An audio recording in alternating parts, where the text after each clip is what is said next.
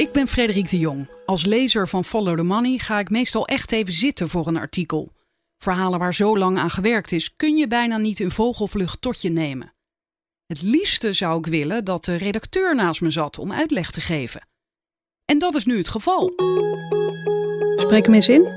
Frederik vraagt door. De podcast van Follow the Money. I know you're gonna dig this. Dennis Mijnheer en Robert Kosters. Welkom in de podcast. Dankjewel. De tweede keer in jullie eh, serie. Ja, wat een eer. Ja, waar gaan we het over hebben? Opnieuw over, eh, over een fraude van 50 miljard per jaar. Die al 25 jaar aan de gang is, omdat de EU eh, zijn samenwerking niet goed op orde heeft. Een heel groot project, dat heet Grand Theft Europe. En daar is in verschi- 28 eh, verschillende EU-landen gepubliceerd over btw-fraude. Wat dus ook bij uitstek een probleem is wat bestaat omdat er in verschillende landen wordt gefraudeerd. Dus echt een EU-probleem. En, eh, en in dit artikel eh, hebben we dus één Nederlander geportretteerd die vanuit Nederland, nou ja, eigenlijk in bijna de hele EU, eh, via de hele EU, eh, uiteindelijk eh, btw-fraude heeft gepleegd in zowel Spanje als in Duitsland. En vorige keer hebben jullie al uitgelegd dat dat project Grand Theft Europe bestaat uit allerlei journalisten van verschillende Europese Unielanden. Ja, klopt. Eh, La Libération, Frankrijk. Eh, Handelsblad in Duitsland. eh, even kijken. Tijd nog, eh, in ja, België. De Tijd, Belgische Tijd. Servië zit er ook bij. Eh, Luxemburg, eh, ook Noorwegen. Europa breed. Ja. Vorige keer hebben we niet eh, die, die titel besproken, maar Grand Theft Europe is natuurlijk een leuke grap, variatie op Grand Theft Auto. Ja, precies. Dat is een game, videogame. Ja, ja, ja, ja, ja. Gewoon mensen over, overhoop knallen en... eh, en Daar gaat het om, die ja, game. Ja, het is wel redelijk gewelddadig. Nou ja, en dit, dit, is in ieder geval eh, een grote roof in eh, Europa.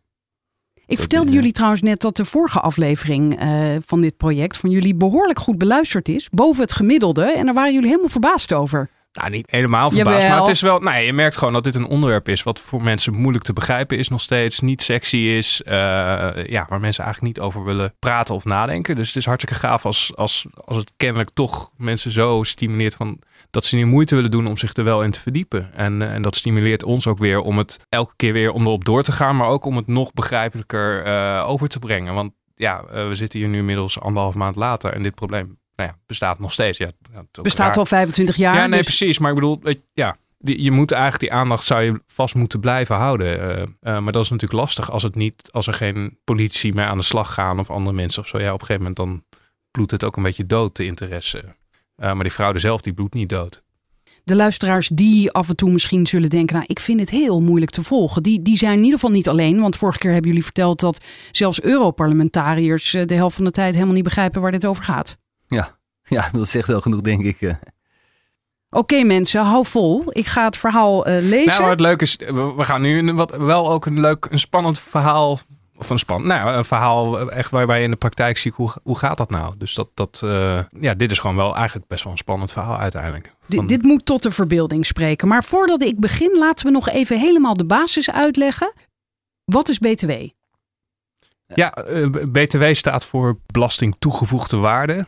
Eh, en dat is dus een belasting die eh, eigenlijk op alles wat verkocht wordt in Nederland of, of in een land. Daar wordt een percentage over ge- eh, gegeven als belasting en dat komt in de schatkist. Ja, je moet toch ergens belasting vandaan halen. En er is ooit bedacht van, hé, hey, dit is ook een leuke manier om belasting binnen te halen.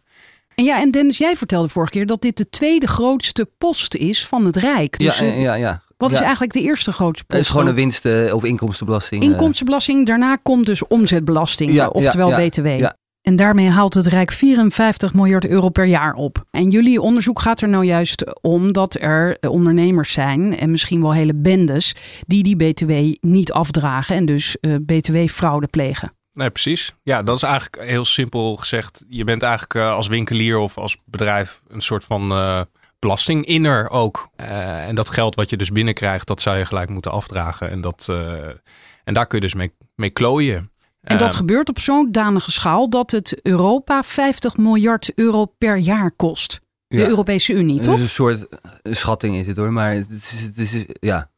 Ja, want nee, sterker nog, vorige keer zeiden jullie er zijn mensen die zeggen dat het getal veel hoger is. Ja, niemand heeft er precies zicht op, maar dat het groot is, is dat is duidelijk. En eh, ja, misschien wil niemand het ook precies weet, eh, weten, want als je precies weet, dan zou je het ook moeten aanpakken. Weet je? Dus dat, en daar is in, in Europa, nou daar hebben we het vorige keer over gehad, daar is weinig draagvlak voor.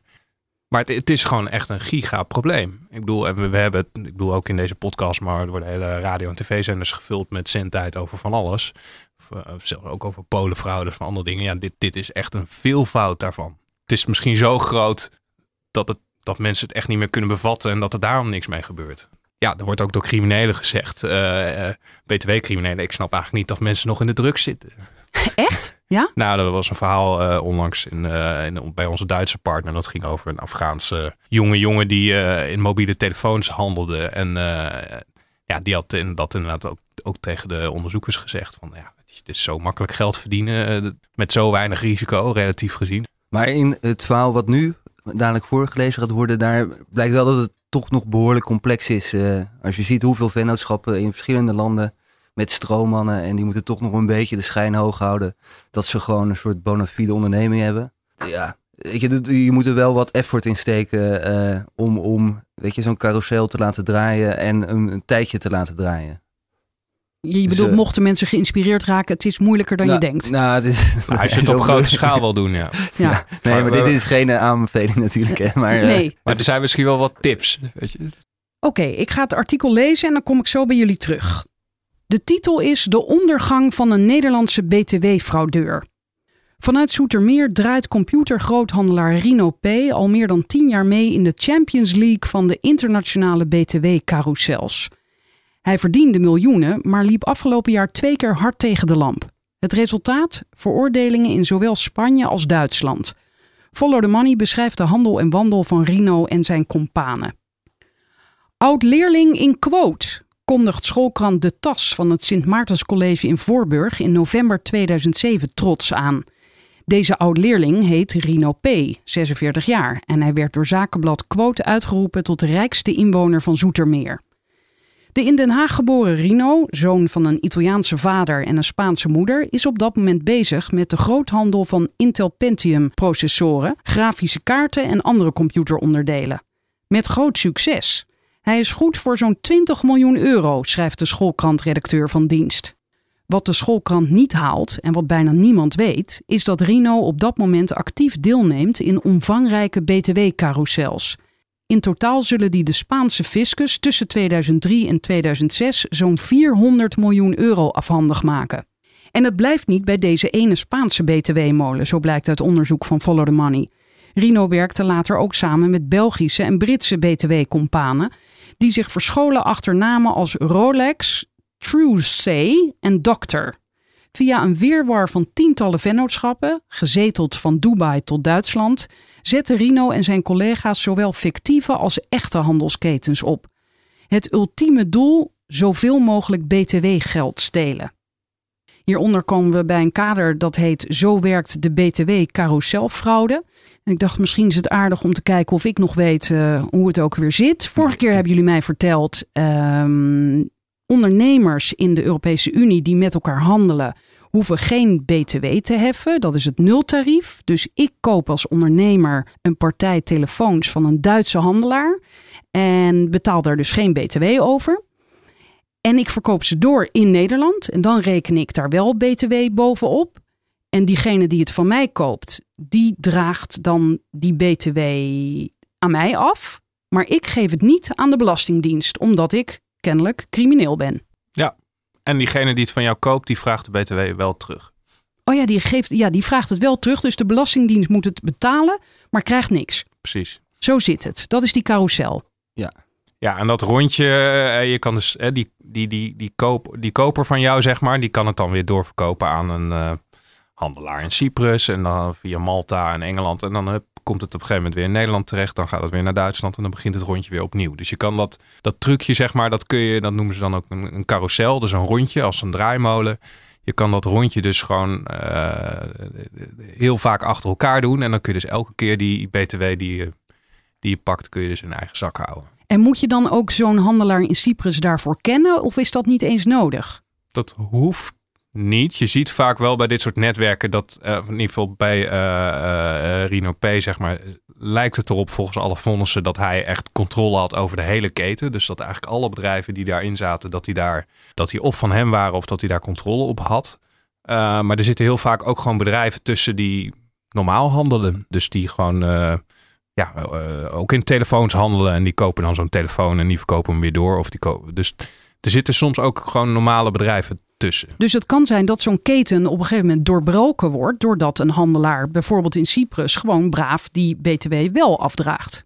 Ja, ja, ja. En, en je hebt, eh, kijk, hij moet, eh, om het echt te laten draaien, dan moet hij natuurlijk wel naar vooraf geselecteerde partijen gaan. Ja, dat bedoel ik. Dus, dus als je dus, dat doet, eh, dan is er sprake van een carousel. En anders is het uh, ja, ieder maar voor ja, zich. Ook al verkoopt dan op een gegeven moment iemand een partij aan, weet ik veel, een winkel in Cyprus. Nou ja, dan moet er gewoon weer een nieuwe vracht uh, ja, ingevoerd worden in de carousel. Dus dan doe je PlayStation, weet je, gewoon per pallets. En dat wordt dan weer de nieuwe, ja, een nieuwe draaicirkel. Uh. Ja, en ik herinner me nu dat jullie de vorige keer hebben uitgelegd dat op zich de Europese Unie hiervan op de hoogte is en er ook iets probeert tegen te doen. En dat het dan iedere keer weer overslaat naar een ander product. Dus dan is er net een hele branche uh, gecontroleerd bekeken en is er, is er vastgelegd in de Europese Unie van met telefoons kan je die fraude niet meer plegen. Maar dan hup, verschijnt er weer een nieuw product waarmee het gebeurt. Ja, precies. Dus dat begon ooit met uh, inderdaad computeronderdelen en uh, toen werden het mobiele telefoons. Vaak zijn het dus, het zijn eigenlijk altijd onderdelen eh, die veel waard zijn en zo klein mogelijk zijn. Omdat je ze vroeger, dan, als je een, een computer van 1000 euro, daar 20% over is 200 euro. Weet je, dat, dus dan elke keer dat je dat doet, kun je 200 euro in je zak steken. Als je dat met een, uh, nou, noem maar wat, uh, pak melk doet, dan pak je elke keer 20 cent. Dat schiet niet zo hard op. Dus ze doen het het liefste met, met, met goederen die veel waard zijn en klein zijn, want dan zou je ze dus ook nog kunnen vervoeren. Um, naar al die landen gewoon met een Volkswagen Golf, bij wijze van spreken. Dan val je ook wat minder op dan als je met een vrachtwagen gaat. Maar vaak wordt het helemaal niet vervoerd. Uh, dus dan is het alleen een papieren verkopen. Hè? Dan komen er helemaal geen producten aan te pas, bedoel je? Nou, of veel minder dan er officieel verhandeld oh, worden. Ook dat nog dus? Ja, soms ja. ja. Nou, je kan je voorstellen dat, dat, dat, dat zo'n, nou laten we het even een telefoon uh, uh, doen, dat zo'n telefoon inderdaad verkocht wordt van Nederland naar Duitsland en dan naar een andere ondernemer in Duitsland. En dat hij dus echt eh, fysiek verscheept wordt. Uh, maar je kan je misschien ook voorstellen van, hé, hey, het is eigenlijk nog veel handiger als we dat alleen op papier doen. Uh, en dat, dat die telefoon blijft gewoon liggen in een, in een of andere loods in, bij Schiphol. En op papier wordt die verscheept. Ja, ja, dan verandert die gewoon op papier van eigenaar. Ja, nou, dan wordt het wel ingewikkelder, want dan moet je dus ook vrachtbrieven ver, vervalsen en allerlei. Je moet, dus, maar het scheelt natuurlijk heel veel kosten en heel veel gedoe. En dat is natuurlijk nog fijner als je dingen hebt die, op, die niet eens bestaan, die niet fysiek zijn. Dus uh, uh, nou, we hebben het ook over hadden, CO2-certificaten of groen certificaten of muziek die je op internet koopt of, of video die je op internet koopt. Ja, dat hoef je niet eens fysiek te verplaatsen.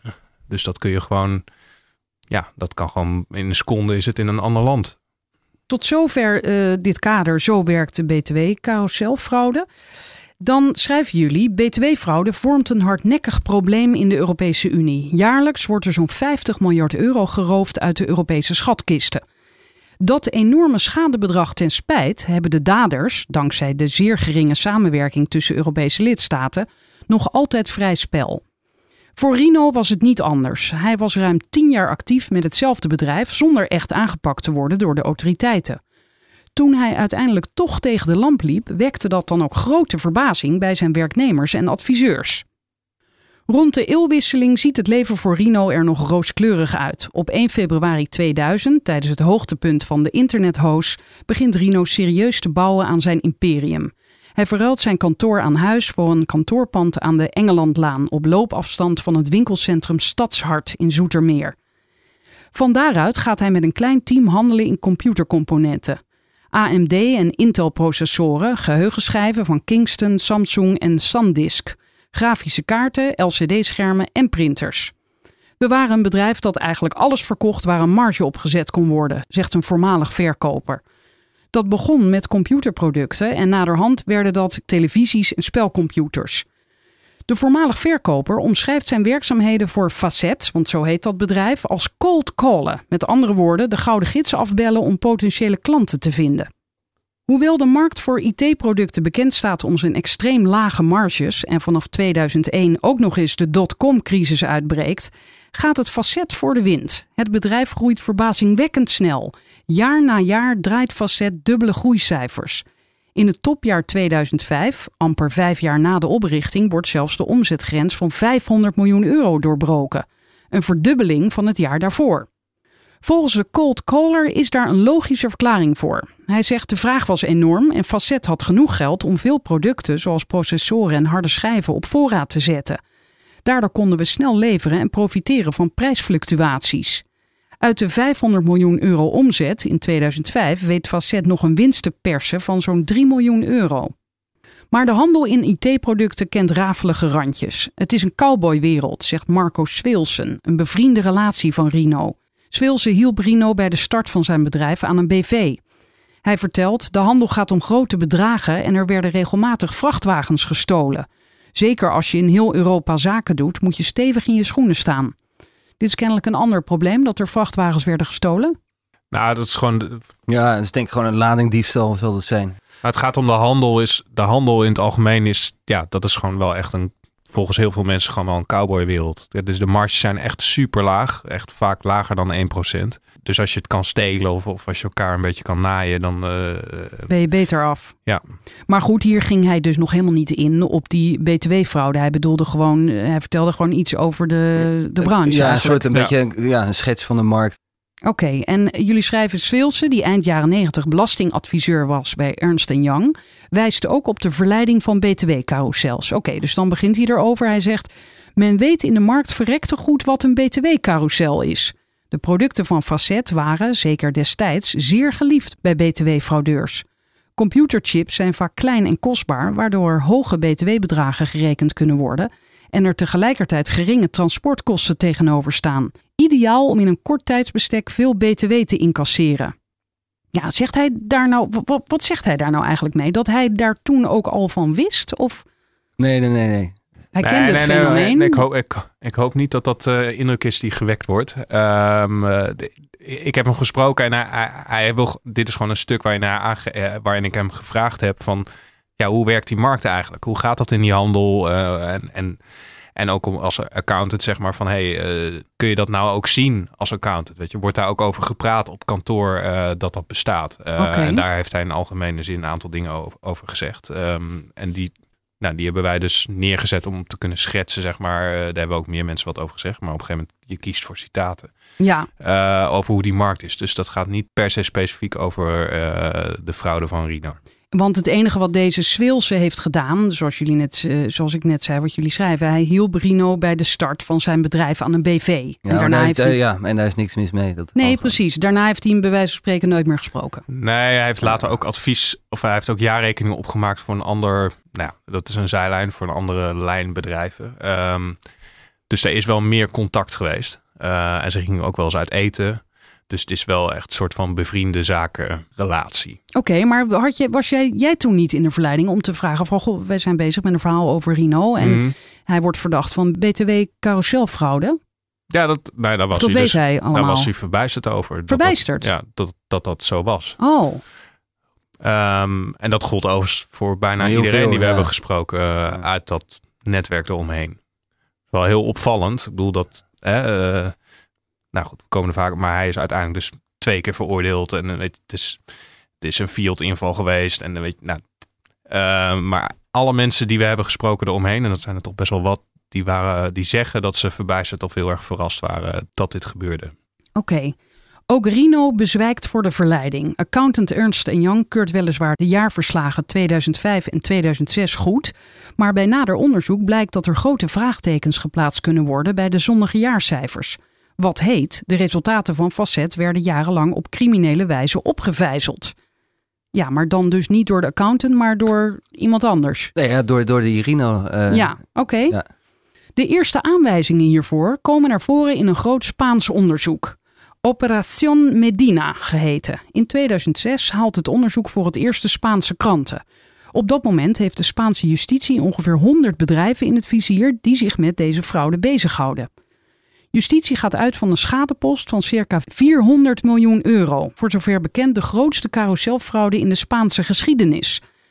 De hoofdrolspelers zijn een drietal Spaanse bedrijven, waaronder een bedrijf genaamd Infinity Systems. Dat stond in 2006 nog te boek als een van de grootste Spaanse leveranciers van computers. Infinity Systems draaide een omzet van honderden miljoenen euro's en kocht door heel Europa computeronderdelen. Daarmee stelde het bedrijf zijn eigen computers samen en bracht die onder een eigen merknaam op de markt. Het bedrijf levert onder andere aan Mediamarkt en Carrefour. Hmm. De Spaanse krant El Confidencial beperkt zich destijds tot het noemen van de vele Spaanse hoofdrolspelers in de carousel. Maar er is ook een Nederlandse partij betrokken, Rino en zijn bedrijf Facet. Uit een Spaans vonnis in handen van FTM blijkt dat de rol van Rino was om vanuit Nederland de Europese aanvoer van goederen te organiseren vanaf het punt dat ze Spanje verlieten tot de terugkeer ervan. Deze fraude die speelde in Spanje. Dus de Spaanse belastingkist werd eigenlijk leeggeroofd. En die goederen die, die moeten dan, je wil ze zonder BTW inkopen. Dus dan wil je ze niet in Spanje inkopen, maar in een ander land. Want dan heb je geen, hoef je geen BTW te betalen. Dus Rino zorgde ervoor dat ze van ergens vanuit uh, de EU Spanje binnenkwamen. Uh, dan hoefden ze dus geen BTW te betalen. Dan werd het aan een ander bedrijf verkocht. kwam er wel BTW, die ging in eigen zak. En omdat dat rondje wilde, ze wilden er meer verdienen. Dus ze dachten, nou, zodat het nou een paar keer doen. Dus dan gingen die goederen weer Spanje uit. En dan Rino het weer over tenminste, dat zegt de Spaanse rechter, ging het weer uh, een heel rondje via allerlei landen uh, in de EU en ook via Dubai. En dan kwam het uiteindelijk Spanje weer binnen en dan ja, gebeurde het weer opnieuw. Ja, en in, in Spanje was iemand anders verantwoordelijk voor de door- en inkoop van de betreffende goederen omdat zijn bedrijf buiten Spanje was gevestigd, was de rol van Rino essentieel. Hij kon immers tegen nultarief ja. leveren aan de truchas, dat is het Spaanse woord voor plofbedrijven. Wanneer de producten eenmaal waren aangekomen in Spanje, nam iemand anders de regie over. Ja, dat zei je net, Dennis. De molen draaide dan weer een tijdje in Spanje om het land vervolgens weer te verlaten. Uit rechtbankstukken blijkt dat de goederen onder meer werden doorverkocht aan vier andere bedrijven: Facette in Nederland, Formosa in Zwitserland, Kingcom in Italië en Perpetual Action Group in Monaco. Volgens de rechter allemaal bedrijven die familiair of zakelijk gelieerd waren aan Rino. De carousel levert tientallen miljoenen op. In totaal halen de vier bedrijven alleen al met de handel met Spanje een omzet van bijna 55 miljoen in 2005. En het jaar daarop komt daar nog eens 38 miljoen bij. Zo, dat ging lekker dus, hè? Ja, dat, ja, dat is het voordeel van, van, van zo'n carouselnetwerk. Ja, je kan gewoon hoge volumes kan je afzetten. Uh, en eventueel ook nog tegen gunstige tarieven dus uh, ja, als je verlegen zit om omzet, dan is zo'n carousel verleidelijk. Rino zal ongetwijfeld weten dat er in Spanje een strafrechtelijk onderzoek loopt. Normaal gesproken kost het jaren voordat zulke complexe zaken ook daadwerkelijk voor de rechter belanden. De zaken in Zoetermeer gaan dan ook gewoon door. Wat heet, het gaat goed met Facet. In maart 2006 heeft Facet Europe een stand op de CeBIT in Hannover, een van de grootste computerbeurzen ter wereld. De winsten die hij in de carousels opstrijkt blijven nagenoeg onzichtbaar. Rino heeft weliswaar een voorliefde voor het merk Porsche. Zo rijdt hij in een 911 Carrera en een Cayenne. Maar volgens medewerkers smijt hij verder niet openlijk met geld. Bij de vrijdagmiddagborrel komen er gewoon bitterballen op tafel. Niet met uh, goudpoeder erop nee. of zo. We draaiden hoge omzetten en hoge marges, maar dat leidde niet tot uitbundigheid. Rino was niet gierig, maar hij had wel iets van wat van mij is, is van mij. Al dus de cold caller. Ook zijn huis, een rietgedekte eengezinsvilla in Zoetermeer, getuigt niet echt van een enorme spenderingsdrang. De Nederlandse Belastingdienst denkt daar ondertussen anders over. Rino krijgt een belastinginspecteur op zijn dak over zijn boekjaren 2000 en 2001. In die jaren handelde hij met bedrijven in Duitsland en Spanje. Facet krijgt een naheffing van 1,6 miljoen euro. Het fiscale conflict, dus geen strafzaak, is voor juridische fijnproevers, maar de zaak zal uiteindelijk escaleren en zelfs belanden bij het Europese Hof van Justitie als de Facet Trading Case. Ja, ik vraag me opeens af, die cold caller, hè, die oud-medewerker, die is kennelijk anoniem, hè? Ja. Hoe zijn jullie eigenlijk bij hem of haar terechtgekomen? Um, ja, bellen, mailen, kijken wie, uh, eh, daar gewerkt heeft. Eh, dat is eigenlijk een beetje standaard in eh, ja, onderzoek van Follow the Money. Of in ieder geval wat ik eh, vaak doe, is gewoon oud-medewerkers of eh, huidige medewerkers gewoon benaderen. Van hé, kan ik eens met jou, eh, wat wil je wat vertellen? Eh, wat, wat, is er, eh, wat voor soort bedrijf is dat? En hoe happig was deze cold caller? nou, de, nou, de meeste zijn niet, niet eigenlijk ja, niet, niet zo heel happig. nou ja, deze wilde dan wel iets vertellen, maar ook een beetje voorzichtig. en andere die, die zeiden ja, is een hele aardige man, niks mis mee. onvoorstelbaar dat, het, weet je, dat, dat, dat, dat dit is gebeurd. Ik kan me er niks bij voorstellen. Ja, je kan natuurlijk tegelijkertijd een, en een aardige man zijn en een hele handige jongen. Ja, dat, ja, dat gebeurt natuurlijk veel. Ja, ja. ja maar, maar het zegt wel iets over het bedrijf. Mensen waren wel enthousiast. En die, dus niemand zei, weet je, wat een lul is dat. Dat, eh, het is allemaal een nette ondernemer. Nee, dat is één verklaring. En de andere verklaring is dat, nou, dat er wat anders is. Dat ze of toch de, nou goed, ja, daar kunnen we heel veel over zeggen, ja. dat weten we niet. Maar, ehm, maar het was opvallend en we hebben, nou, we hebben toch zo ongeveer wel iedereen gebeld of gesproken die, die daar eh, gewerkt heeft of daar omheen gehangen heeft. Of, eh, en dat is een werkwijze die we over het algemeen wel hebben. Ik bedoel, ehm, Maar wat bedoel je met het, het zou kunnen dat er iets anders is? Je bedoelt dat het een hele cover-up is waarbij iedereen geïnstrueerd is om, om te zwijgen? Of wat bedoel je? Nee, maar kijk, eh, Rino is als enige veroordeeld samen met zijn broer. Alle medewerkers niet. Eh, het is een fraude die heel, of er zijn dus meerdere fraudes achter elkaar. Eigenlijk vanaf de oprichting is Facet al betrokken bij in ieder geval conflicten met de Belastingdienst over BTW. Eh, dat heeft 10, 12 jaar geduurd. Dus het, he- eigenlijk het hele bedrijf. Dus je zou je kunnen afvragen hoe, ja, hoe aannemelijk is het dat Rino dat allemaal in zijn eentje heeft gedaan. En dat z- al zijn familie en al zijn medewerkers daar echt helemaal niks van af weten Ja, met een omzet van 500 miljoen. En met omzetten van 100 miljoen in Spanje, die in de rechtszaak worden genoemd, die gewoon rechtstreeks bij zo'n carousel zitten. Volgens zijn bevriende zakenrelatie Swilse leverde de procedure Rino veel stress op. Hij is daar toen der tijd zo ongelooflijk van geschrokken, zegt hij. Hij is iemand die daarvan wakker ligt. Ook andere bekenden die Follow the Money sprak, zagen hoe Rino leed onder de stress van de rechtszaak. In zijn achterhoofd zal waarschijnlijk ook nog zijn betrokkenheid in de Spaanse carousel meespelen. De stress van deze lopende juridische procedures weerhoudt hem er evenwel niet van om in 2008 verwikkeld te raken in een nieuwe BTW-carousel. Dit keer niet in Spanje, maar in het BTW-fraudeparadijs Duitsland. Het BTW-fraudeparadijs Duitsland, wat krijgen we nu? Ja, nou, en alle artikelen hebben het genoemd, maar eh, een, van de Duitse topjuridische figuren heeft eh, Duitsland ooit een uh, genoemd. Dus ja, een soort van ja, BTW-fraudeparadijs eigenlijk. En, en nou, er wordt eigenlijk constant gewaarschuwd. Duitsland heeft zijn zaakjes vreemd genoeg, want je zou het niet verwachten, heeft zijn zaakjes op BTW-gebied gewoon heel slecht voor elkaar. Binnen Duitsland werken ze al niet samen tussen de provincies om dingen te delen, laat staan met andere landen. Um, dus die, ook die, die mobieltjeshandelaar waar we het eerder over hadden, die zei ook van nou, iedereen weet als je mobieltjes gaat verkopen in Duitsland, nou dat is sowieso foute boel. Weet je? En dat is gewoon ook bekend binnen fraudeland van nou oké, je moet in dat land zijn of in dat land of met dat product. En Duitsland is al vrij lang bekend kennelijk als een land waar je dus heel goed, uh, waar het goed vertoeven is als btw-fraudeur. Dus Rino ging naar Duitsland. Rino maakt eerst gebruik van een groep Belgen die een netwerk aan plofbedrijven voor hem opzet om zijn handel door te leiden. Een van de Belgische kopstukken bij die Duitse carousel is Paul Hamels, een Belgische btw-fraudeur van 58, die al sinds de jaren 90 op de hielen wordt gezeten door justitie. Onlangs publiceerde het Belgische dagblad De Tijd een inkijkje in de werkwijze van Hamels. De btw-fraudeur werkte onder een schuilnaam Rolex en eiste van al zijn partners in crime dat ze ook een alias aannamen. Voor de Duitse carousel zette Hamels een netwerk van plofbedrijven op, lege vennootschappen met algemene bedrijfsnamen als DK Seats en CS Components. De bedrijfjes hadden maar één doel: zoveel mogelijk BTW binnenharken en weer wegsluizen. Ook recruteerde Hamels meerdere Belgen om aan het roer te gaan staan van de Duitse plofbedrijven.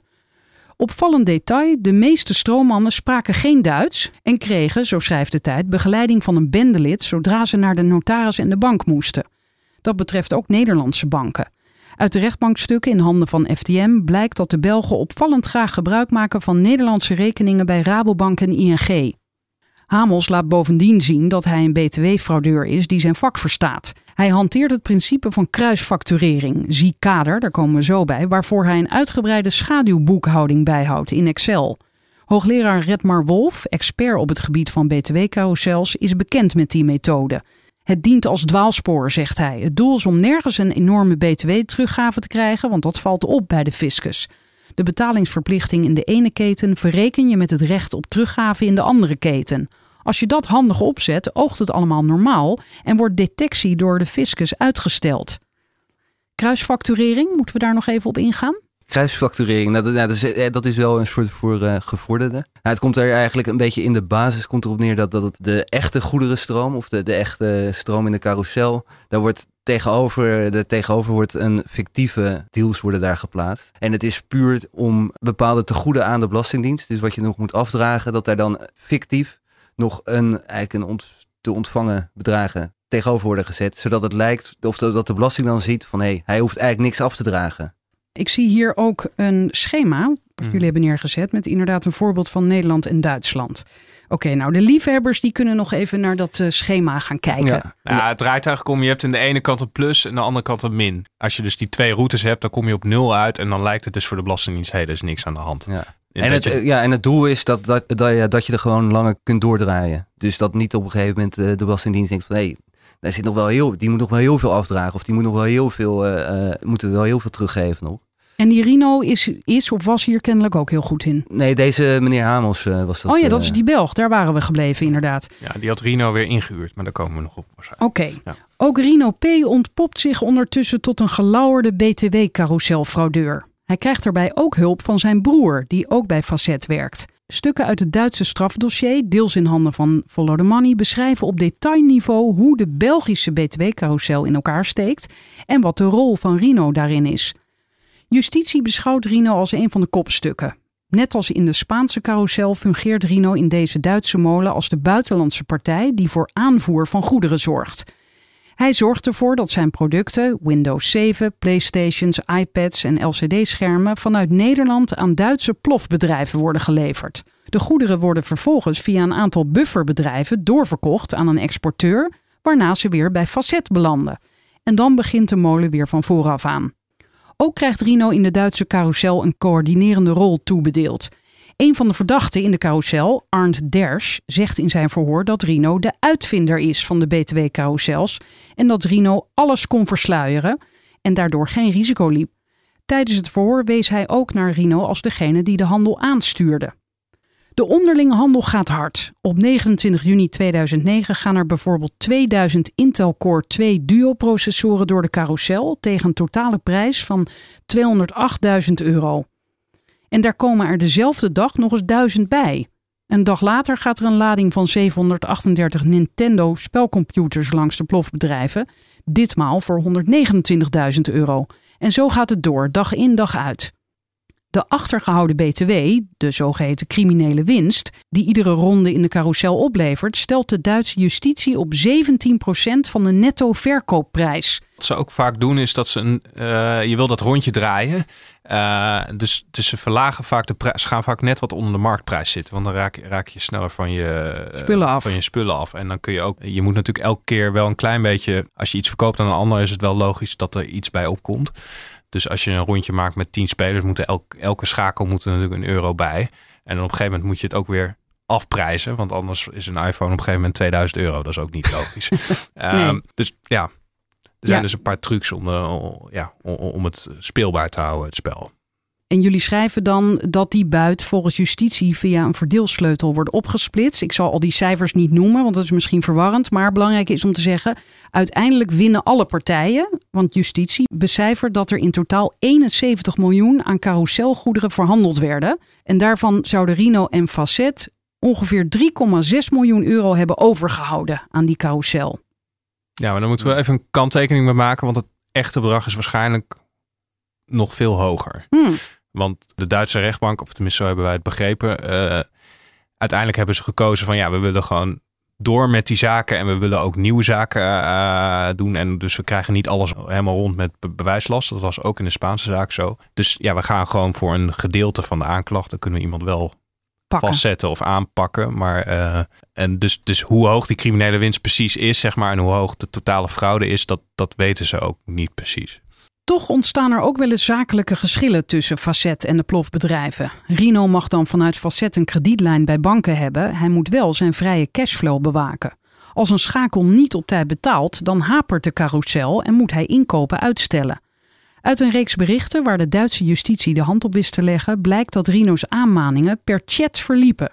Hij stuurt de stroomman van een van die plofbedrijven op 9 juli 2010 een chatbericht en noemt hem daarin echt een paardenlul.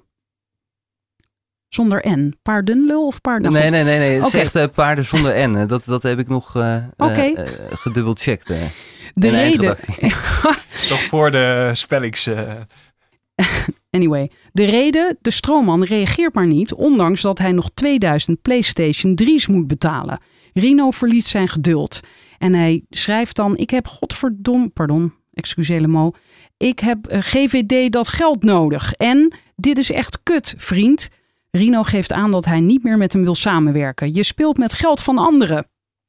Het carouselnetwerk, dat is trouwens ook ironisch. Je speelt met geld van anderen, dat moet hij zeggen. Eh, nee, ja, eh, point taken, klopt. Ja. Het carouselnetwerk van Rino beperkt zich niet tot de Belgische groep fraudeurs. In 2011 ontmoet hij een Brits duo op Schiphol, Samir Iftikhar en Rehan Malik. In 2018 worden in een rechtszaak over een uitleveringsverzoek van de Britten aan de Duitse justitie deze twee mannen omschreven als ringleader, de initiators van de criminele Truesay-organisatie. Onder de schuilnamen Truesay en Doctor hebben ze een heel woud aan Duitse plofbedrijven opgezet, inclusief stroommannen en geldige btw-nummers. En in zo'n al werkend netwerk aan plofbedrijven is Rino wel geïnteresseerd. De Engelsen verlangen een commissie van 7% om zijn handel door dat fraudenetwerk te laten lopen.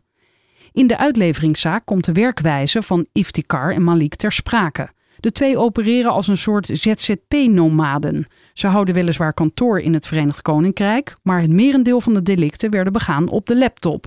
De organisatie was in staat om overal vandaan te opereren. Ja, heel modern dus. Ja. Doe ik ook. Gewoon uit... eh, Kijk, ja. Je zou het zelfs vanuit Thailand kunnen doen, bij wijze van spreken. Een deel. Ja, je noemt maar een voorbeeld. Of is dat gebleken dat ze daar zaten? Oh nee, nee, ik noem een voorbeeld. Maar Oh, je, hebt toch ook die, eh, hoe noemen ze dat? Eh, nomaden van die Ja. eh eh, ja, dat zijn die ZZP-nomaden. Ja, precies. Ja, dat ben ik dus, hè? zo'n hip Ja. jong mens. Ja, die in de koffiecompagnie... eh, Ja, maar jij wer- werk je, want ik heb vrienden, ik ken mensen die gewoon drie maanden in Panama Nee, zitten en dan dat drie maanden in eh Saudi-Arabië Nee. en dan drie maanden in Thailand en weet je, nou ja, maar goed. Nee, want dan kan ik jullie niet meer spreken. Dat zou jammer zijn. Maar Maar, want dat is ouderwets.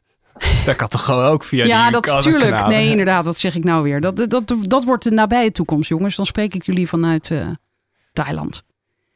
Maar in juni 2012 begint het doek te vallen. De Duitse justitie start een onderzoek naar de Truesay-organisatie. En in juni van dat jaar vinden er eerst doorzoekingen plaats, waarbij er beslag wordt gelegd op goederen en geld dat in Hongkong is gestald. Ook de activiteiten van Belgische BTW-fraudeur Rolex en zijn compaan Crazy Indian, ja zeg, worden tegen het licht gehouden. De Duitse fiscus vermoedt dat al deze carousels voor 60 miljoen euro hebben gefraudeerd. Rino en zijn bedrijf ontspringen de dans niet. Op 14 juni 2012 doet de Fiat een inval bij Facet. Die inval en het Duitse strafrechtelijk onderzoek hebben veel impact. Rino ontslaat bijna direct alle circa 12 medewerkers.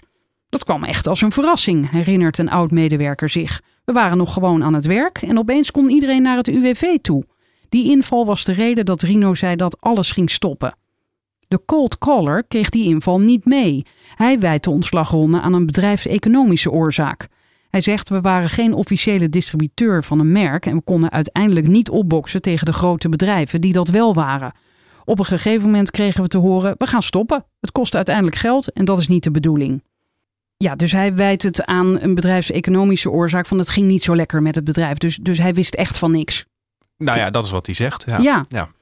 De gigantische btw-carousel en het feit dat de Duitse justitie bijna 200 verdachten op de korrel heeft, blijven in Nederland echter onder de radar. In het jaarverslag 2012 van Facet komt de ontslagronde wel ter sprake. Rino schrijft daarover dat Facet de eerste zes maanden nog redelijk draaide, maar dat het bedrijf daarna heeft geleden onder omstandigheden, dit is een quote, die buiten zijn controle liggen. Er volgt geen uitleg. De Fiat-inval komt niet ter sprake. Het resultaat is dat Facet in 2012 een verlies maakt van anderhalf miljoen euro. Moet je dat eigenlijk vermelden in je jaarverslag? Niet echt, toch? Dat de Fiat is ingevallen? Nee, nee, hoeft niet. eh, nee. Dat Facet betrokken is bij een van de grootste btw-carousels in Duitsland is op dat moment ook nog niet bekend bij het grote publiek. De bedrijfsnaam van Facet wordt in 2013 alleen zijdelings genoemd in de Augsburger Allgemeine, de krant die de omvangrijke rechtszaak van het Openbaar Ministerie in Augsburg nauwgezet volgt.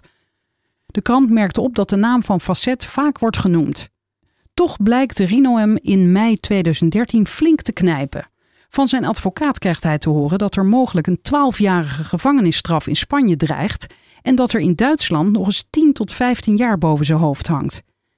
In een door justitie afgeluisterd gesprek met ene Marco uit Rino zijn onvrede en geeft hij aan dat hij in een zeer slechte fucking James Bond film beland is.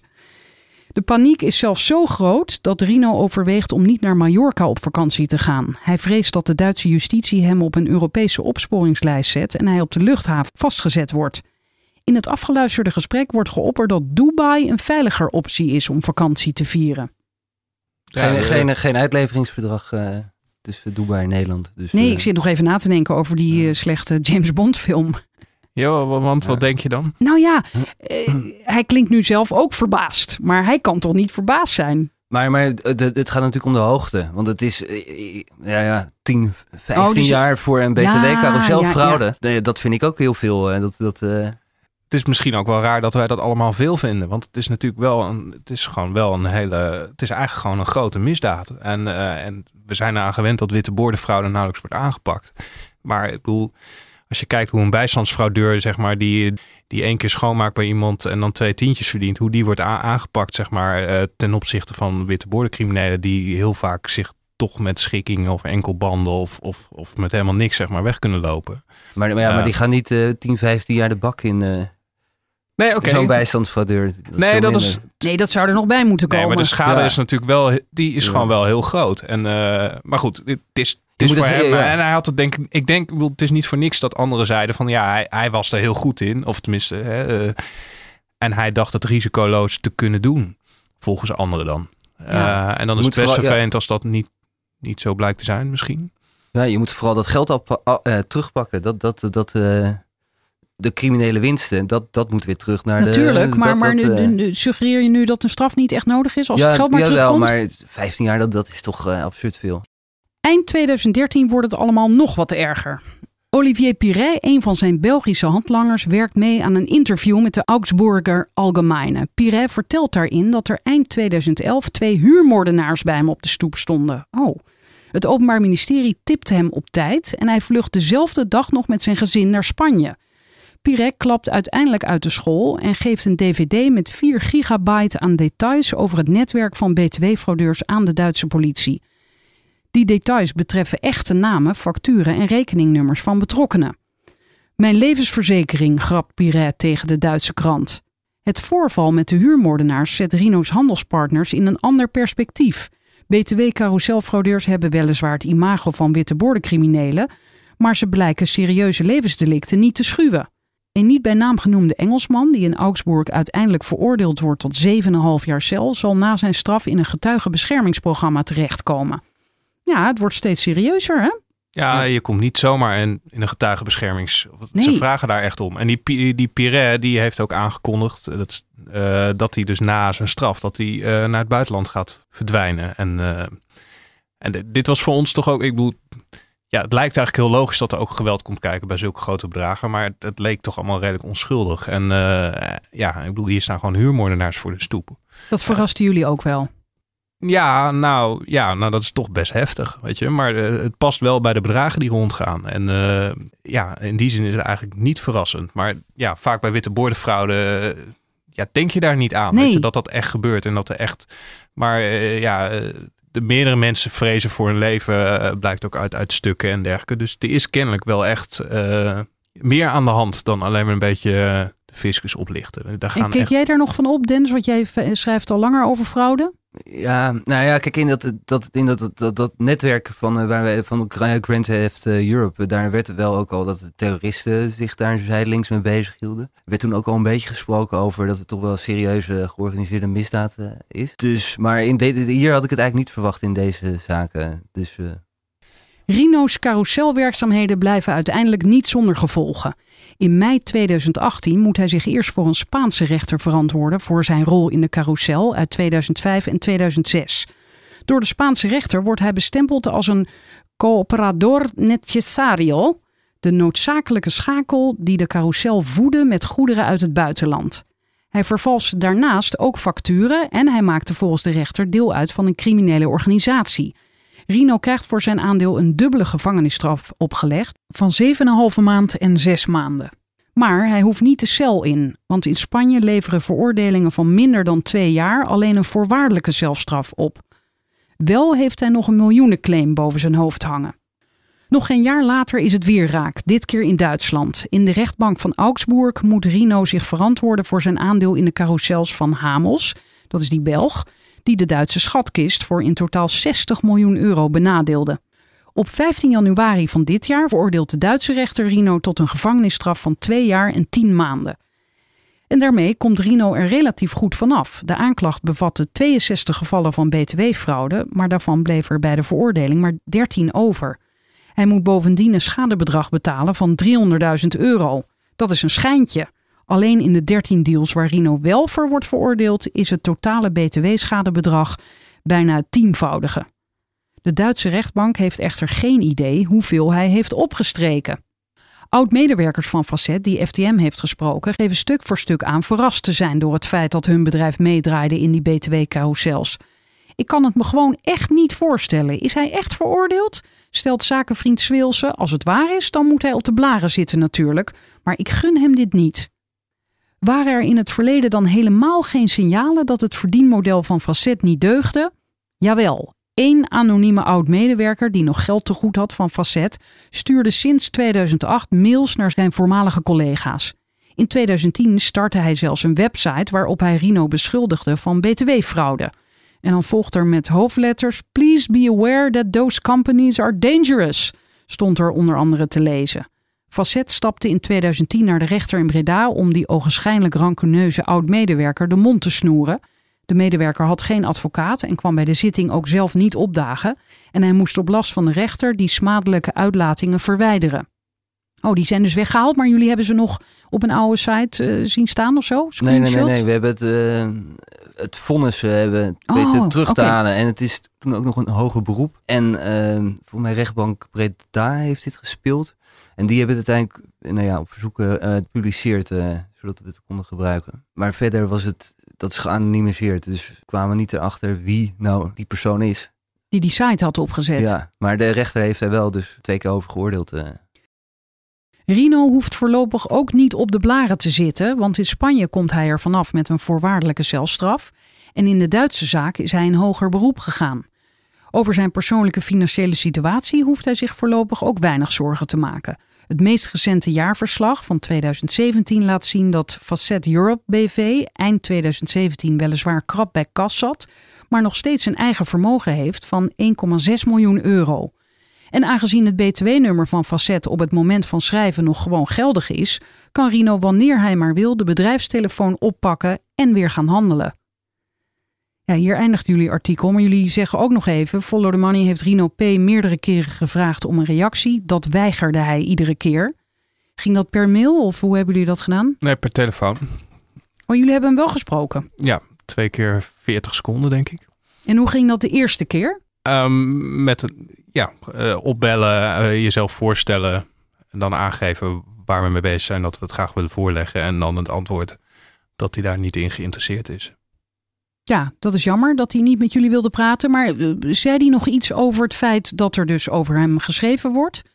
Nou ja, wij wisten volgens mij wel dat we aan het uh, bellen waren. En dat, dat, dat gebeurt heel veel in zulke artikelen. Dan, dan ga je medewerkers en dan kom je toch ook al op bevriende relaties. Nou ja, en die gaan elkaar dan... Hé, hey, ik word nu gebeld door een journalist. dus dat dan, dan verspreidt de word spreading Ja, want die, die oud-compagnon wilde dus wel wat zeggen. Hè? Ja, maar dat is ook helemaal niet erg, want die oud-compagnon, of die Mark, eh, Marco eh, die, nou, eh, daar heb ik echt redelijk uitvoerig mee, of daar heb ik gewoon mee gesproken. En die zei ook van, nou, ik ga eh, zo meteen ook even Rino bellen, dat ik met jullie heb gesproken. En, want zo zei hij, ik verwacht dat het geen leuk artikel gaat worden. En, en dat gun ik hem niet. Ik, ik wil ook eigenlijk dat, een, eh, dat er ook een, eh, nou, een compleet beeld zeg maar, wordt gezet. Ehm, maar ja, eh, kijk, voor ons, voor mij maakt niet uit. Ik bedoel, wij werken met, met open vizier. Ehm, dus eh laat ze elkaar maar bellen, weet je. Dat maakt helemaal niet uit. We willen met iedereen praten ook. Ik bedoel, daarom bellen we ook. We gaan niet laf mailen. We bellen gewoon ook zo iemand op. We bellen zijn boeren op. We bellen al die mensen daaromheen op. En, en staan ook open voor om, om het te begrijpen. Weet je, Hoe, het gaat ons er niet om om iemand makkelijk neer te sabelen. Nee, wij willen gewoon een, een zo eerlijk mogelijk verhaal eh, vertellen. Ehm, Ja, en jullie schrijven op wat, wat de justitie in meerdere landen heeft gezegd. Ja. Precies. Maar goed, dan zou het Ja. nog zo kunnen zijn dat daar Maar ja, fout ja, zijn. maar of- ja, en daar zal hij zelf toch ook eh, over bepaalde dingen zal hij toch eh, anders waarschijnlijk denken. Dus, dus niet, nou ja, ik, ik weet bijna zeker, hij volgt niet 100% die lijn van justitie natuurlijk. eh. Hij gaat niet voor niks in hoger beroep. Nee, en hij zat toch over dingen anders. Maar ja, dat, eh, ik, kijk, ik had dan graag gehoord, oké, op welke gebieden dan? eh. Dus, maar goed, dat is altijd de keuze aan degene die, die eh, aan de andere kant. veel communicatiestrategen zouden zeggen, je kan beter je mond houden. Maar er is nog wel een ander ding, want daar zijn we nu zomaar overheen gelopen. In de ene laatste zin dat het btw-nummer van, eh van Ja, Set Europe ja. dus nog steeds werkt. Want dat is toch eigenlijk wel... Maar ja, hij is nog helemaal niet veroordeeld. Nee, hij is natuurlijk wel veroordeeld. Oh, ja. ja. maar hij niet in Nederland alleen. Dus dat, dat Dus daarom kan dat nummer gewoon nog Ja. bestaan. Nou, nee, maar dit is echt, dit is echt wel heel erg bizar. Ehm, kijk, we hebben het voor, ook voor in de vorige podcast helemaal over gehad dat samenwerken, eh, dat je dingen moet delen en dat je zo snel mogelijk van die fraudennetwerken moet platleggen. eh, dat dat eigenlijk een van de enige manieren is om het snel aan te pakken. Ehm, dus dan geef je dus, eh, als je in België bij wijze van spreken merkt van hé, hey, hier gebeurt dat raars, dan bel je Nederland op en je zegt hé, hey, ga eens op die mensen letten en dan wordt misschien een nummer ingetrokken. Tenminste, dat, dat is hoe het zou gaan. In dit geval is het dus een Nederlands iemand met een bedrijf wat dus gewoon al twaalf jaar lang eh, betrokken is bij allerlei ja, btw-fraudes. Veroordeeld tot in totaal bijna vijf jaar cel. En zelfs dan wordt dus het btw-nummer in Nederland niet ingetrokken. Ja, het is onbegrijpelijk. En we hebben dat voorgelegd aan de, aan, aan de Fiat en aan de Belastingdienst. En die komen natuurlijk van ja, dat ze niet ingaan op in, eh, individuele gevallen. En dat ze, als het nodig is, binnen één dag zo'n nummer kunnen intrekken. Ja, doe het dan. Ja, nou, ik heb het net nog gecheckt. Hij is nog steeds actief. En wat volgt er na dit artikel? Want jullie hebben met dit artikel mooi aangegeven, mooi verbeeld eh, hoe die BTW-carouselfraude werkt. En eh, ja, dat er echt criminelen aan te pas komen. Hoe Ja. nu verder in dit dossier? Ja, goede vraag. Eh, Kijk, we hebben nu wel al het, het hele systeem, eh, wat die Europese eh, nou ja, knelpunten zijn. En ingezoomd op één specifieke zaak. Ja, het volgende daar moeten we nog eventjes over gaan overleggen. Nou, dus er zijn dus een aantal markten waar volgens mensen zoveel btw-fraude wordt gepleegd dat, het, dat je er dus eigenlijk als normale ondernemer niet meer zou kunnen zijn. Dus er wordt onder andere over de telecommarkt hebben we gehoord dat dat zo zou zijn. Ik heb iemand gehoord over de autobandenmarkt eh, in Italië. Dus, dus als op een gegeven moment namelijk iedereen dit doet en dus een deel van die criminele winst, van die 20% btw, als je daar nou 10% in eigen zak steekt en 10% aan je klanten geeft, dan kun je dus gewoon vet onder de normale marktprijs zitten en dus ook al je concurrenten kapot maken. Ehm, dus dat is wel een richting waar we verder zouden willen zoeken. En een ander ding is, is het, ja, het internet, het digitale dom- domein, waar eh, ja, als jij een dienst levert, dus eh, weet ik het, een video of een muziekstuk of, of wat dan ook, daar moet ook BTW over geheven worden. En daar is dus, nou ja, volgens allerlei onderzoek heel weinig zicht op. Maar ook verkoop van eh, producten via bijvoorbeeld Amazon of Bol.com op de marketplaces. Dus eh, je kan als winkeltje kun je dus een winkel hebben in de Amazon winkel. Net als de Bijkorf bijvoorbeeld, een shop in shop. En Amazon zegt, ja, daar hebben wij allemaal niks mee te maken. Wij, eh, wij, wij stellen dat beschikbaar en krijgen een percentage. Maar ja, heel veel van die aanbieders, ja, die verkopen producten waar waarschijnlijk geen enkele belasting of recyclingsheffing of importheffing of weet ik het wat dan ook uh, overgegeven wordt. Dus dat is ook nog wel een gebied waar we op uh, door willen gaan. En krijgen jullie ook tips binnen? Ja, ja, ja zeker. Ja. Kijk eens naar het startkapitaal van uh, ondernemer X. En die is nu heel succesvol, maar hij is ooit in de jaren negentig, heeft hij zijn centjes eh, bij elkaar gesprokkeld door middel van, eh, nou ja, meedraaien in een carousel. Maar goed, dat, dat, dat zijn gewoon een soort leads en weet je, die gaan we kijken of we dat hard kunnen maken en of het ook daadwerkelijk wat is. Maar dat is, dat is wel leuk van dit uh, project. Het is best wel uh, mensen uit de markt, die, die komen nog wel met, uh, hey, kijk daar eens naar. Of je, nieuwe volgers op Twitter erbij, op LinkedIn. Ja, erg leuk. Dank jullie wel. Graag gedaan. Yes. Wil je weten wanneer een nieuwe aflevering online staat? Schrijf je in voor mijn nieuwsbrief. Die vind je bij ftm.nl slash Frederiek.